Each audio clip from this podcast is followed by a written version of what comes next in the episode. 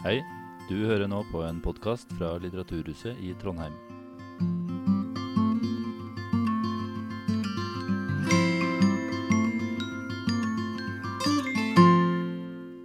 Vær så god. I fjor ble den fremtredende opposisjonspolitikeren Aleksej Navalnyj forgiftet, og i år returnerte han til hjemlandet Russland for så å bli satt i fangenskap i Sibir av styresmaktene. Det har blitt vanskeligere å være opposisjonspolitiker i Russland. Hvordan organiserer man seg om man skal utfordre Putins stadig sterkere grep om makten? Og er det fortsatt håp om et politisk skifte eh, og et Russland med en reell opposisjon? Mitt navn er Jan Markus Johannessen, og med meg for å diskutere dette så har jeg Geir Flikke og Jette Christensen. Velkommen. Tusen takk. Eh, Geir, jeg tenker vi kan starte med deg, for du har jo skrevet denne boka, Uh, 'Russlands rebeller'. Vi kan eh, starte kjapt med hvem er du, og hva har du gjort som er relevant i den sammenhengen med Russland? Ja, ok. Vi kan starte der. Nei, altså min, skal vi si, mitt første virkelig store møte med Russland, det var i 1993-95. Da jobbet jeg som tolk ved Den kongelige norske ambassade i Moskva. Og jeg kom til et Moskva hvor Det hvite hus da var sort. Fordi Jeltsin hadde oppløst uh, Folkekongressen og uh, skutt uh, sine stridsvogner. Da, hadde skutt inn i Folkekongressen og oppløst den kongressen. Det var det første møtet med et dramatisk og nytt Russland. Og det var også den tiden hvor man da begynte å snakke om et Russland som kunne bli et demokrati, slik man formulerte det i Vesten. Hvis de bare gjorde det slik og slik, hvis de vedtok en grunnlov, hvis de gjennomførte regelmessige frie og rettferdige valg osv. Og I 95 så begynte jeg på Senter for russlandsstudier i, på NUPI. Og jobbet da der helt fram til jeg gikk over i universitetssektoren i 2013. Så det er et langvarig, skal man si, en langvarig relasjon til Russland, dette her, som også bunner i det at jeg snakker det språket flytende fremdeles. Er det et kjærlighetsforhold? Det er et kjærlighetsforhold til de delene av Russland som uh, gir mening. Altså, ikke i den betydningen at de uh, ligner på oss, ikke sant? for det vil de ikke. Men hvor du treffer da mennesker som er meningsbærere av en type verdier, en type aspirasjoner, en type ønsker. et håp, om du vil. En forventning som du kan kjenne igjen. selv om den da på mange måter uttrykkes ofte i et litt sånn pompøst og litt sånn oppblåst språk, som russerne gjerne gjør, så er det allikevel de aspirasjonene der som, som, som, jeg har en forkjærlighet for. Og det er de jeg forsøker å beskrive i den boken også. Jette Christensen, du har jo vært stortingsrepresentant. og Hva er det du har gjort som har hatt med Russland å gjøre? Jeg har vært i Europarådet.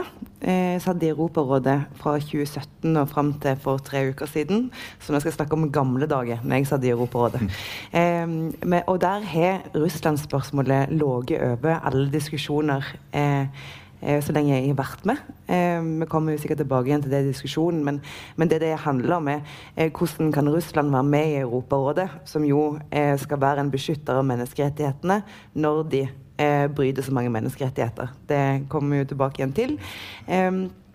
Utover det så er jeg eh, statsviter og har ikke eh, skrevet om Russland, men jeg har vært veldig, alltid vært veldig opptatt av Russland. Eh, jeg har reist fra Thailand til Norge uten å fly eh, gjennom Sibir. Mm. Eh, og, det, eh, og har vært i Russland også i embetsmedfør eh, flere ganger. Og det som alltid opptar meg, er forskjellen på russiske myndigheter eh, og russisk befolkning. Eh, og jeg har en en veldig begeistring for det russiske lundet, eh, og en ikke så veldig stor begeistring for det russiske styresettet. Eh, så jeg gleder meg veldig til denne samtalen eh, nabolandet, om nabolandet vårt. Du har skrevet uh, boka 'Russlands rebeller', Geir. Uh, Undertittelen er jo 'Protest og reaksjon i Putins Russland 2011 til 2020'. Hvorfor har du valgt å fokusere på akkurat disse ni årene som periode? Ja, Det er et godt spørsmål. La meg først ta tittelen. Altså 'Russlands rebeller'. Uh, Boris Nemtsov, som ble skutt ned på åpen gate i slutten av februar 2015 Eh, skrev en liten memoarbok. Da var han på vei for så vidt ut av politikken. Dette var i 2007-2008. Uh, han hadde jo vært en av Jeltsins definitive yndlinger. Altså en potensiell arvtaker etter Jeltsin. Men så kom jo da denne mannen som het Putin inn fra sidelinjen og ble dyttet inn for så vidt av sikkerhetsstyrkene ikke sant? og fikk den plassen. Han skrev en bok som het Buntari Russi'. Og det betyr altså Russlands rebeller. Så jeg har lånt tittelen fra hans bok. Og, den boken eh, begynner med en refleksjon eh, over eh, en samtale han hadde med sin datter, som het Janna. Janna Nemtsova. Hun er nå journalist i, i Tyskland for Deutsche Welle. Som sa til sin far far, jeg ønsker å gå inn i politikken. Og Nemtsov, Boris Nemtsov begynte da å rive og slite seg i håret og, og, og, og prøve å overtale henne. Du må overhodet ikke gå inn i politikken. Det er en håpløs kamp. Du kan umulig vinne. Du kan ikke vinne over dette systemet. Så han forsøkte da å snakke henne ut av det, men uten hell. Hun ønsket å gå inn i lokalpolitikken. Og så skriver Nemtsov da i, eh, i, i forordet til den boken Med ett forsto jeg hva dette dreide seg om. Det dreide seg om at det kommer en ny generasjon, og at denne generasjonen kommer til å ville omfavne de samme verdiene som jeg har omfavnet, nemlig frihet. Så det er på en måte tittelen på den boken. Og Grunnen til at den begynner i 2011-2012, er at uh, det var første gang siden begynnelsen av 1990-tallet at man så demonstrasjoner av en viss størrelse i de store russiske byene. Og da snakker vi primært om den store huben som er Moskva. altså multimillionbyen Moskva.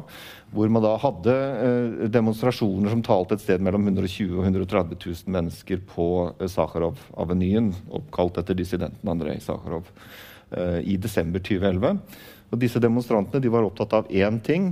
De var opptatt av at deres stemme ikke skulle knabbes av myndighetene, og at de skulle få lov til å oppleve at de faktisk eh, kunne delta i valg som ikke var eh, fingert på forhånd, og hvor resultatet var gitt. Så det er startskuddet for uh, opposisjonsbevegelsen som denne Aleksej Navalnyj har forsøkt å organisere, mobilisere og gi ny kraft til. Uh, og måten han har gjort det på, har jeg beskrevet i den boken. Det er en kronologisk beskrivelse av denne mobiliseringen. Og uh, jeg har også beskrevet hvordan disse egentlig ganske marginale kan man si, politikerne i den store sammenhengen har systematisk benyttet seg av sosiale medier for å kunne få folk til å slutte seg til deres kamp. da. Uh, men hvordan det går, det står ganske tydelig i den boken. altså Hver gang de f.eks. de skulle gjennomføre en nominasjonsprosess i 2016, og denne nominasjonsprosessen skulle da gjennomføres digitalt. Hva skjedde? Jo, serverne ble hacket, og all informasjon ble lagt ut fritt på nett. Alle persondata, alt sammen. Og, og det kollapset, altså, rett og slett. Eh, så da nei, Forskerforum skulle anmelde den boken, så sa de den leser som en spionroman. sa de. Ja. Eh, det er jo ikke en spionroman, det er jo en, en virkelighetsbeskrivelse. Men, men, det er en, en, beskrivelse av et ganske storstilt politisk eksperiment på russiske premisser, og det vil jeg gjerne understreke. Fordi eh, russiske myndigheter kommer til stadighet tilbake til dette at Vesten vil endre oss. Men hensikten med denne boken er å vise at det er ikke noe Vesten her som vil endre noe i Russland. Det er noe i Russland som vil endre Russland. Du nevnte jo dette med eh, Sakharov, dissidenten. Ja. Og relevant for det så har jo nå Aleksej Navalnyj eh, mottatt Sakharov-prisen nå i 2021. Som deles ut av Europaparlamentet, som sikkert kan eh, kalles, eh, i hvert fall av russiske myndigheter, Vesten. Eh, og den prisen går jo til noen som har kjempet for demokratisering, ytringsfrihet, uh, menneskerettigheter. så det er jo relevant å spørre her hvem er Aleksej Navalnyj, og hvor kommer han fra? Mm. Ja, først så bare si at, at uh, det har blitt mottatt med ganske stor glede i hans krets at han fikk Sakharov-prisen. Uh, selv om det også har vært kritiske stemmer der fra første generasjonen av uh, liberalere i Russland, som mener at Navalnyj da ikke kan på en måte sies å fronte de verdiene som, som Sakharov uh, sto for.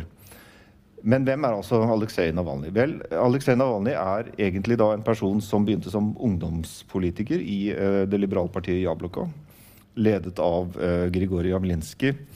Eh, dette var en person som sto bak de såkalte 500 dagene, et privatiseringsprogram som var et alternativ til det Jeltsin faktisk endte opp med å gjennomføre. Denne ungdomspolitikeren drev da en rekke små prosjekter. Annet. Han samarbeidet med politimyndigheter bl.a. Eh, og eh, fikk mange ungdommer til å bli mer politisk aktive. Men han utfordret da Javlinskijs lederskap, og etter hvert så ble han også ekskludert av Jabloko fordi han ble oppfattet av dem, og han var jo sikkert også det, på sett og vis, en, som en person med uh, etnonasjonalistiske sympatier. Og han gikk da inn i en, uh, skal vi si, en årlig marsj som ble holdt i, i utenfor Moskva, den, den, russiske marsj, som det heter. Og uh, deltok i den marsjen og tok avstand fra det igjen senere. kanskje mer spesifikt da han fikk 27% av stemmene i borgermestervalget i, i 2013. Men han er altså da en person som eh, på sett og vis er blitt sett på som et, et tveegget sverd blant de tidlige liberalerne i Russland.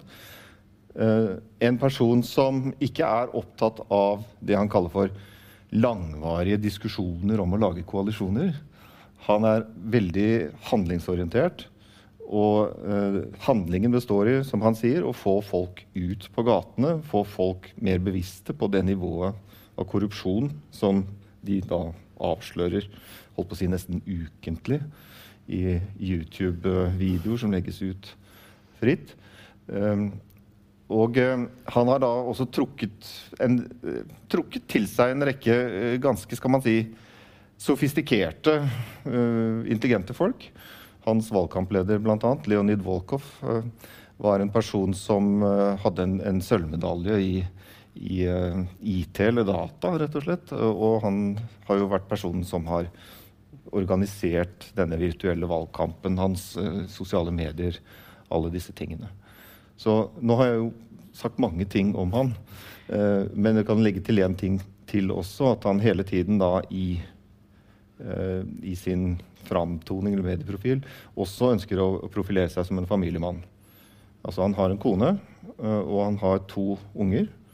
Og disse øh, legges det bilder av ut på Instagram og andre typer medier. Så han er på en måte da Han har dette enkle, nye russiske over seg også, som han ønsker å promotere. Ja.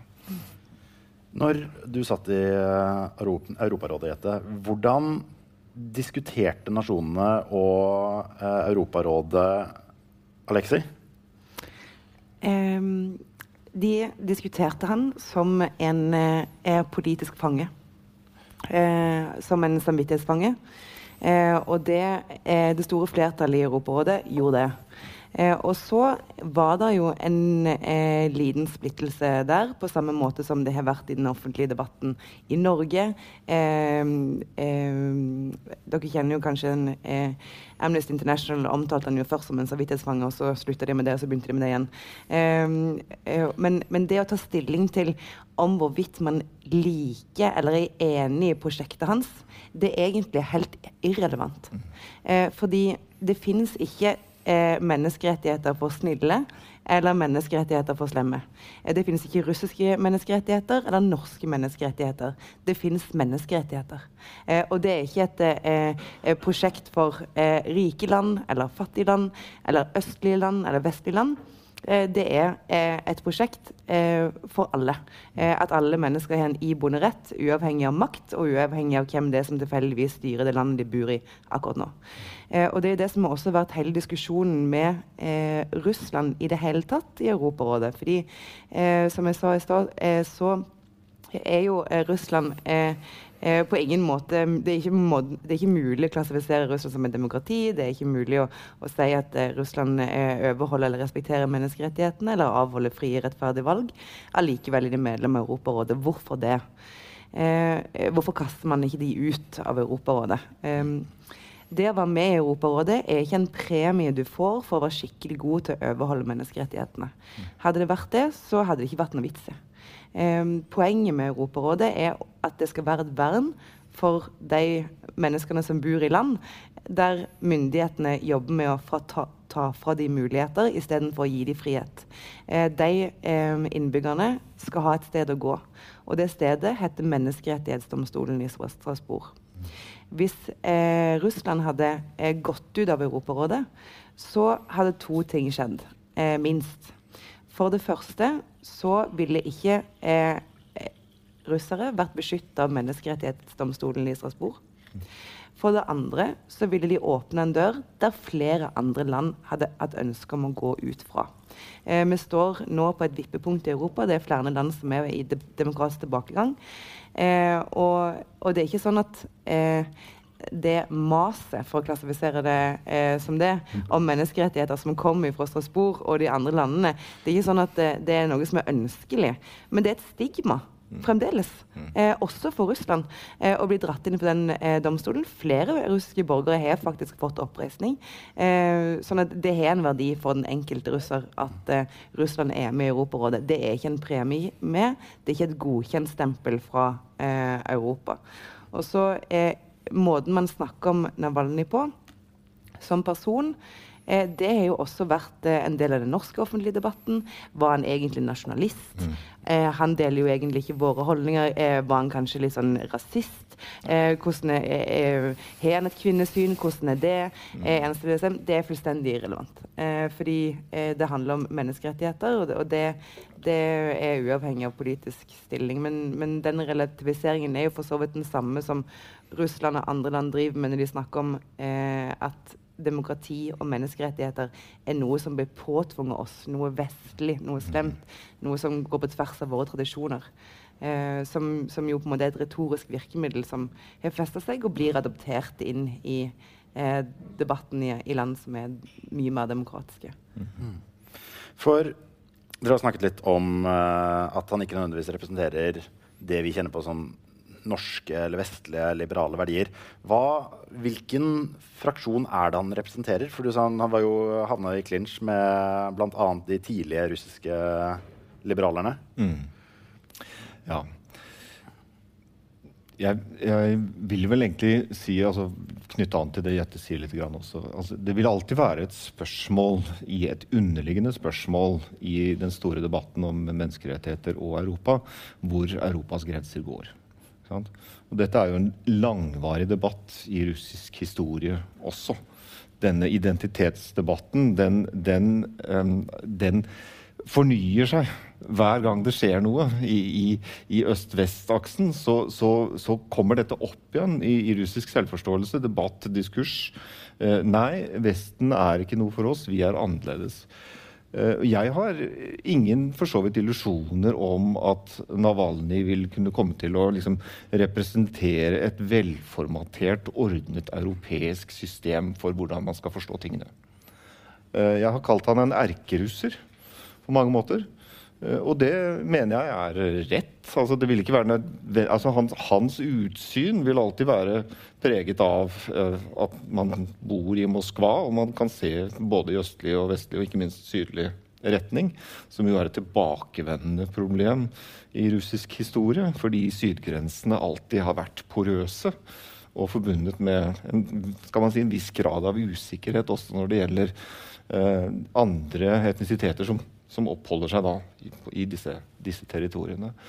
Og det, det, må vi alltid ha i mente når vi snakker om fenomenet Navalny. Og så er jeg enig med uh, Jette i at uh, det spørsmålet er for så vidt underordnet. Og det er et annet viktig spørsmål her også. Det er at uh, tilgangen til domstolen Når vi ser på sakene, sakskartet nå, så er det det russiske sakskartet som dominerer. Det er, de, det er der de fleste sakene ligger. Det er en viktig et viktig incitament for det russiske sivilsamfunnet. Og det sivilsamfunnet, det har jeg også studert for så vidt i en, en, en, lang periode, der ser man en rettsbevissthet som er i ferd med å feste seg. Og denne rettsbevisstheten den er orientert mot Europa. For Det finnes ingen annen tradisjon i Russland for rettsbevissthet av den typen som et moderne, urbanisert Moskva f.eks. Vil, eh, vil føle tilknytning til. Så igjen, altså hoved, hovedspørsmålet i hans Skal man si Hans um, uoverensstemmelser da, med de tidligere liberalerne ligger i noe jeg vil karakterisere som en, en utålmodighet på vegne av endringen. Altså, han ønsker å, å, ty til egentlig ganske radikale virkemidler for å få til en endring som han da mener at liberalerne egentlig aldri var i stand til å gjennomføre. Uh, og at han da også synes å være villig til å sette familie og eget liv på spill for å få til disse endringene, er jo også blitt ganske tydelig. Eh, så ligger det alltid i slike bevegelser et, et faremoment i forhold til dette med ytterligere radikalisering. Og noe jeg beskriver i boken her, er jo rett og slett det at det er et kappløp mellom denne bevegelsen og regimet, hvor regimet strammer inn og strammer inn og strammer inn pga. at eh, disse folkene da, hele tiden ligger et hestehode foran i, i sin mobilisering.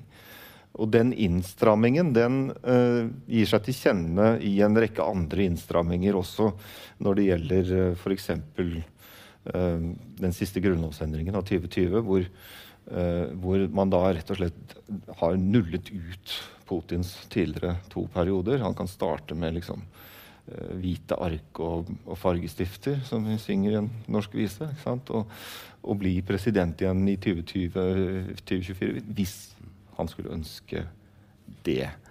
Men hvis, jeg, snakker ikke, altså, jeg, snakker ikke, om et, et, et, verdipress eller et normpress fra Vesten her. Jeg snakker om Vesten i Russland. Mm. Normpresset kommer fra innsiden. Og selv om russiske myndigheter da forsøker å løfte dette ut ved å henvise til den store konflikt, verdikonflikten med Vesten opp gjennom historien, så klarer de ikke det. Fordi det finnes et sivilsamfunn som er blitt så tydelig på de kravene de, de ønsker, at eh, den eneste løsningen er disse stadige innsnevringene av, av ytringsfrihet, eh, demonstrasjonsrom Eh, og slike ting. Så det er rett og slett sivilbefolkningen som har søkt mot Strasbourg, mer enn Strasbourg har søkt mot sivilbefolkningen, eller det rettssystemet, da? Eh, dette vet jo veldig mye om, om dette, men Strasbourg er nesten av som, altså verdimessige årsaker uh, ikke tvunget til, men forpliktet til å holde dørene åpne for uh, rettsbehandling som kommer også fra denne delen av verden. Mm. Og det er mye merkelige klager som kommer, uh, for all del.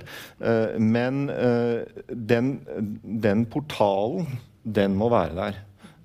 og naming og shaming, da, som vi ofte snakker om i denne sammenhengen, fungerer i liten grad i forhold til den russiske eliten. Det skal vi være ganske klar over.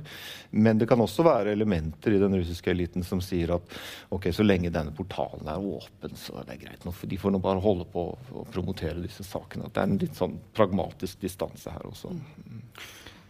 Ja. Jeg hadde bare lyst til å knytte noen kommentarer til dette eh, utålmodighet. Mm. Eh, fordi eh, hvis man eh, ser på hvordan eh, Russland er i dag Eh, så er det så, så snurper de inn Eh, i veldig veldig eh, hurtig grad fordi at det er denne eh, opposisjonen. Fordi Det som er problemet med å holde seg med en høyt utdannet befolkning som har en eh, høyere grad av linkage eller tilhørighet til Vesten enn, enn før, det går veldig fort. Eh, og det er enklere å samle seg, det er enklere å mobilisere. Eh, og problemet med å ha en sånn befolkning som i tillegg er stolt og opptatt av rettigheter, det gjør at det er vanskeligere å undertrykke dem. Sånn er livet på en måte. Derfor det er så veldig vanskelig å være være eh, diktator. Men, eh, men da eh, bruker man de samme gamle triksene og eh, fratar flere og flere rettigheter. Eh, opposisjonen blir sterkere og sterkere. Eh, det er det er en uvinnelig kamp, nærmest, virker det som. Fordi at det, eh, For bare noen få år siden så eh, hadde vi jo Den siste gangen det var en stor debatt om russisk opposisjon i Norge, var jo Pussy Riot. ikke sant? Det husker jo flere her. Eh, og som ble sendt til arbeidsleir i Sibir osv. Mm. Eh, men, men det, det, førte ikke noe fram. De, de, klarte heller ikke å organisere seg og hadde jo egentlig ikke så veldig stort mål om det heller, tror jeg. om en politisk endring. De måtte bare uh, si noe. Eh, um, for det, det, var det eneste virkemidlet de hadde. Eh, men, men, den eh, utålmodigheten som er nå, samtidig med en organisering som ikke har sett eh, dets like på, på, på, veldig lenge, i hvert fall, det er iallfall grunn til håp. Men Russland eh, i, for, I 1989 bare, så hadde jo Russland lyst til å eh, iallfall ikle seg demokratiske kjennetegn. Eh?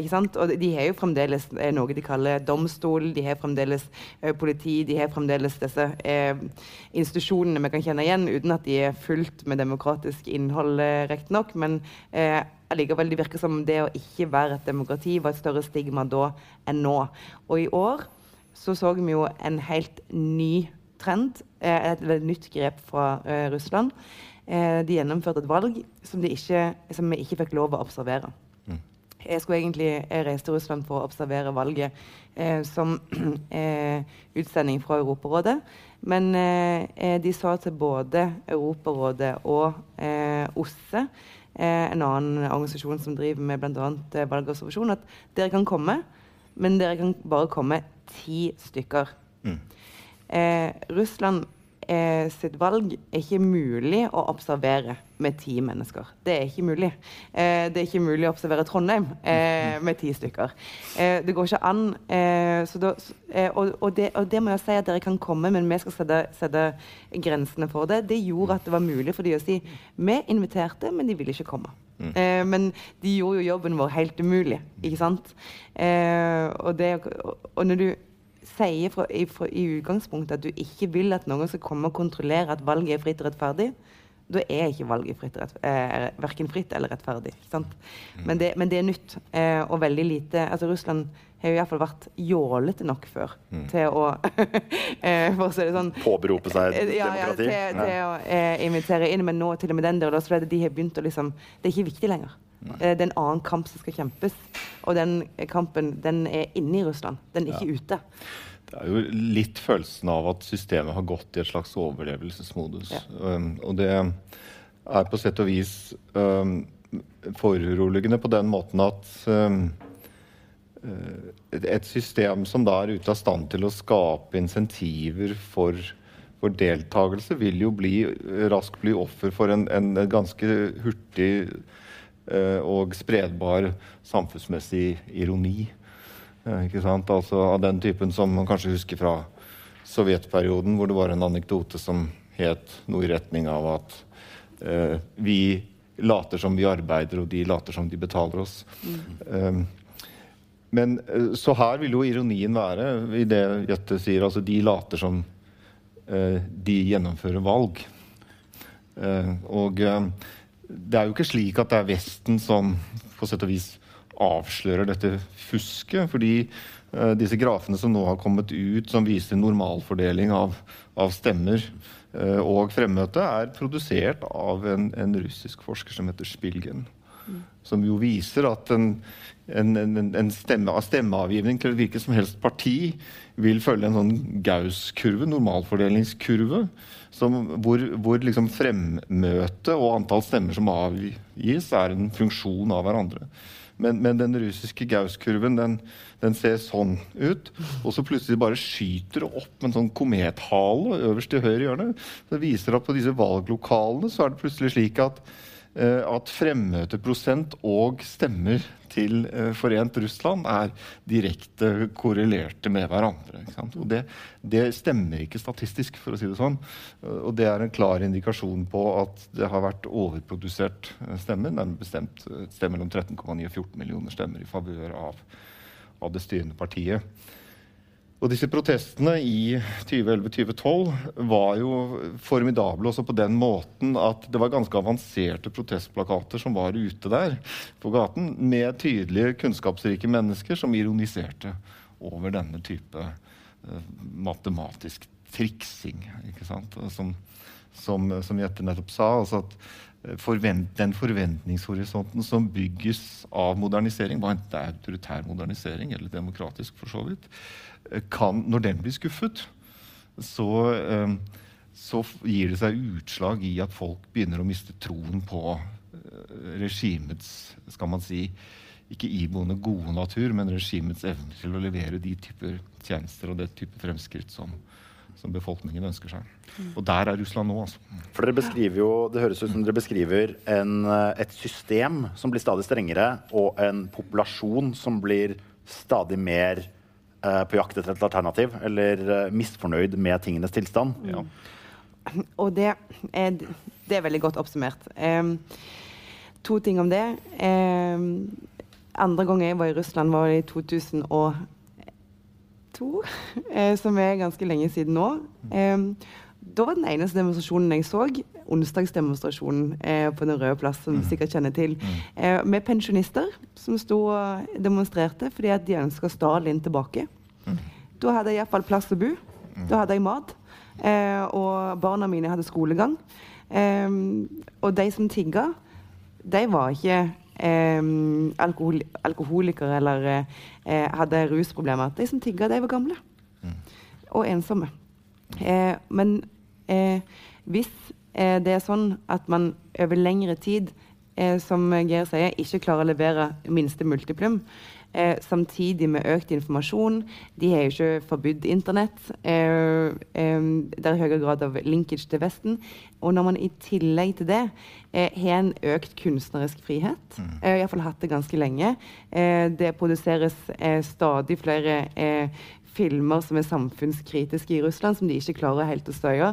Og det som er interessant, er at et av gjennomgangstemaene i moderne russisk film er den korrupte ordfører. Mm. Mm. uh, og det er, som både kan være morsomt og, og grusomt. Men, men hvis man kan gå, når vi har snakket om menneskerettigheter, vi har snakket om rettsstat, uh, hvorfor er menneskerettigheter bra? Jo, det er bra fordi det gir enkeltmennesket frihet. Mm. Eh, ikke bra fordi at Vesten får viljen sin, men fordi det handler om enkeltmennesket. Mm. På den andre siden, hvorfor er korrupsjon dumt? Korrupsjon er ikke dumt fordi det er forbudt. Korrupsjon er ikke eh, farlig fordi, eh, fordi eh, de som stjeler, eh, fordi en ordfører stjeler og får mer penger i lommen. Det er ikke det som er problemet med korrupsjon. Problemet med korrupsjon er at beslutninger fattes som er på tvers av det som er til det beste for de fleste. Det er problemet med korrupsjon.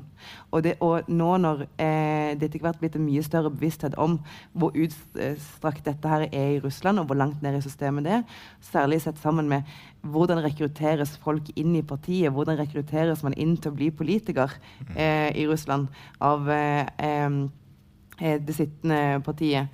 Eh, så eh, f.eks. United Women of Russia mm. de eksisterer ikke fordi de er utpreget feministiske eller oppstår av liberale verdier. Eh, de sitter der fordi at de er pekt på. Mm. Eh, og dette vet folk. Eh, og dette er mulig å snakke om på en helt annen måte enn før. Mm. Det store problemet der er jo igjen uh, at man Og dette vet russere. altså De vet at uh, neste generasjon, altså barna til den nåværende eliten, plutselig begynner å, å, komme opp som aksjeeiere i store strategiske selskaper, eh, medlemmer av styrerom og slike ting. Altså den, den klassiske ikke nepotismen, men altså min familie og mine privilegier. Uh, igjen et, en langvarig tråd i, i den russiske historien, i sovjethistorien også. Privilegiene, uh, når, når man først har dem, så resirkuleres de i en veldig snever krets.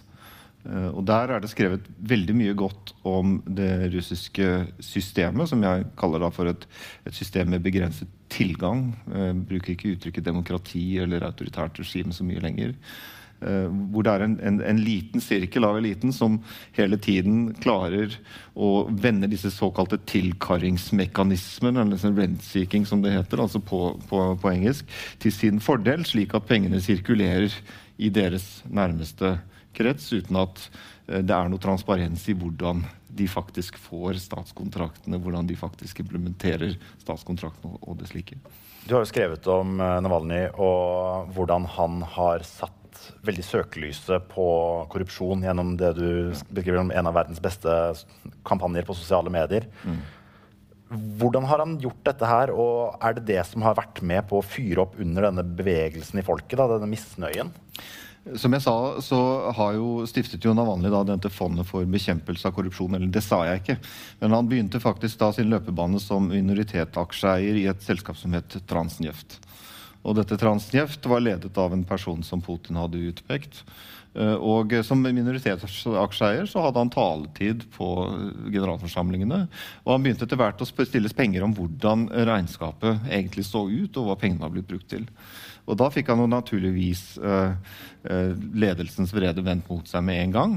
Men han fant også såpass mye interessant i, uh, som minoritetsaksjeeier at han da stiftet dette fondet for bekjempelse av korrupsjon og engasjerte en rekke ganske skal man si, intelligente og smarte advokater som begynte å bruke alt som fantes av offentlighetsregistre for å rulle opp disse sakene. Og en vanlig Navalnyj-video det, altså, det er altså et sirkus av en video. Uh, ikke bare sånn rent visuelt, men når du ser på hvordan de har nøstet seg fram til uh, store og usynlige fond, altså fond som har et navn som for veldedigheten til den og den uh, skal man si, det og det godset, f.eks., så begynner det da, som jeg beskriver i boken, med å, se et bilde av en statsminister som har et par joggesko som er usedvanlig sjeldne sjeldne. Og så begynner man å gå igjennom innkjøpsregisteret og prøve å finne ut hvem er det som har kjøpt disse joggeskoene, og hvordan kom de inn. Så finner man et navn, og så finner man et eh, organisasjonsnummer og nøster videre, og plutselig så finner man Medvedevs klassekamerat. ikke sant? Og det er den måten de da arbeider på. De, de bruker offentlige enhetsregistre, og de bruker Internett. De kan bruke satellittfotografier, de kan bruke Google Maps. De kan spore en, en luksusyachts bevegelser i Middelhavet. ikke sant? Og de kaster det ut i, i korte videoer av 20-25-30 minutters varighet. Som, som, viser at eh, ja, altså den topp, toppeliten i Russland har det jevnt over ganske bra. Eh, barna deres har det jevnt over ganske bra. Barna legger ut ting på Instagram. Uh, disse Instagram-fotografiene kan man da plutselig legge opp mot et, si, et, bakgrunn et eller annet sted i Middelhavet. Så plutselig man finner ut å ja, vedkommende befinner seg akkurat på den lokasjonen. Og den lokasjonen så kom det et cruiseskip inn samme dag til det og det klokkeslettet. Og så ruller de det opp. Og det er en, det er en formidabel skal man si, etterforskningsenhet som nå i løpet av våren 2021 er blitt stemplet som en ekstremistorganisasjon på, på linje med Den islamske stat. Det eh, er jo noe som har sunket inn i den russiske offentlighet, for å si det sånn. At korrupsjonsetterforskerne er blitt ekstremister. Mm. Hvorfor er de det? Ja. Det er jo en, eh, en trend som vi ser her med Nå har jo systemet blitt enda strengere, og Navalnyj sitter jo nå i uh, fangeleir i Sibir. Uh, bevegelsen hans er jo nå Hva skal vi si? Han har vel oppløst den? Eller klart den for å ja, være Fondet for bekjempelse av korrupsjon er formelt nedlagt, og, og også alle de stabene som ble opprettet i forbindelse med hans valgkamp i 2017-2018 er også formelt nedlagt. Uh, og det er rett og slett fordi uh, fondet er, havnet, er, tatt inn under noe som heter altså ekstremismelovgivningen. Og da snakker vi om fengselsstraffer som uh, er i spennet mellom fem og ti år, og kanskje strengere. Og dette da, denne innstrammingen i systemet, i kontrast med denne misnøyen man ser i folket, hvor tror dere Russland er på vei? Det er jo et, selvfølgelig et umulig spørsmål å svare på. Men eh, med disse stadig sterkere motsetningene og Putin, som du sier, kanskje eller kanskje ikke kommer til å stille på nytt i 2024, hvor tror dere Russland er på vei politisk?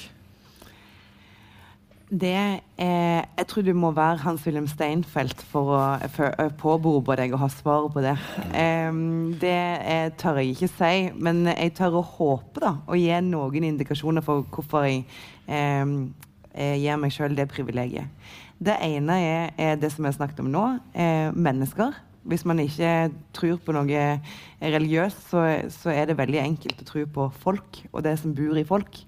Eh, og, det, og folks evne til å organisere seg og, og for, for, andres frihet eh, sammen med sin egen. fordi det er, veldig, det er jo det man ser Navalny, eh, Pussy Riot, eh, de andre eh, som har prøvd dette over årene, de har egentlig kjempa for andres frihet. For de har gitt opp sin egen. Mm. Og, og, det er jo noe som er veldig imponerende å, å, se på. jeg, tror, jeg, jeg tror ikke at det alene at Russland nå har begynt å sende delegasjoner til Europarådet i seg sjøl, vil hjelpe.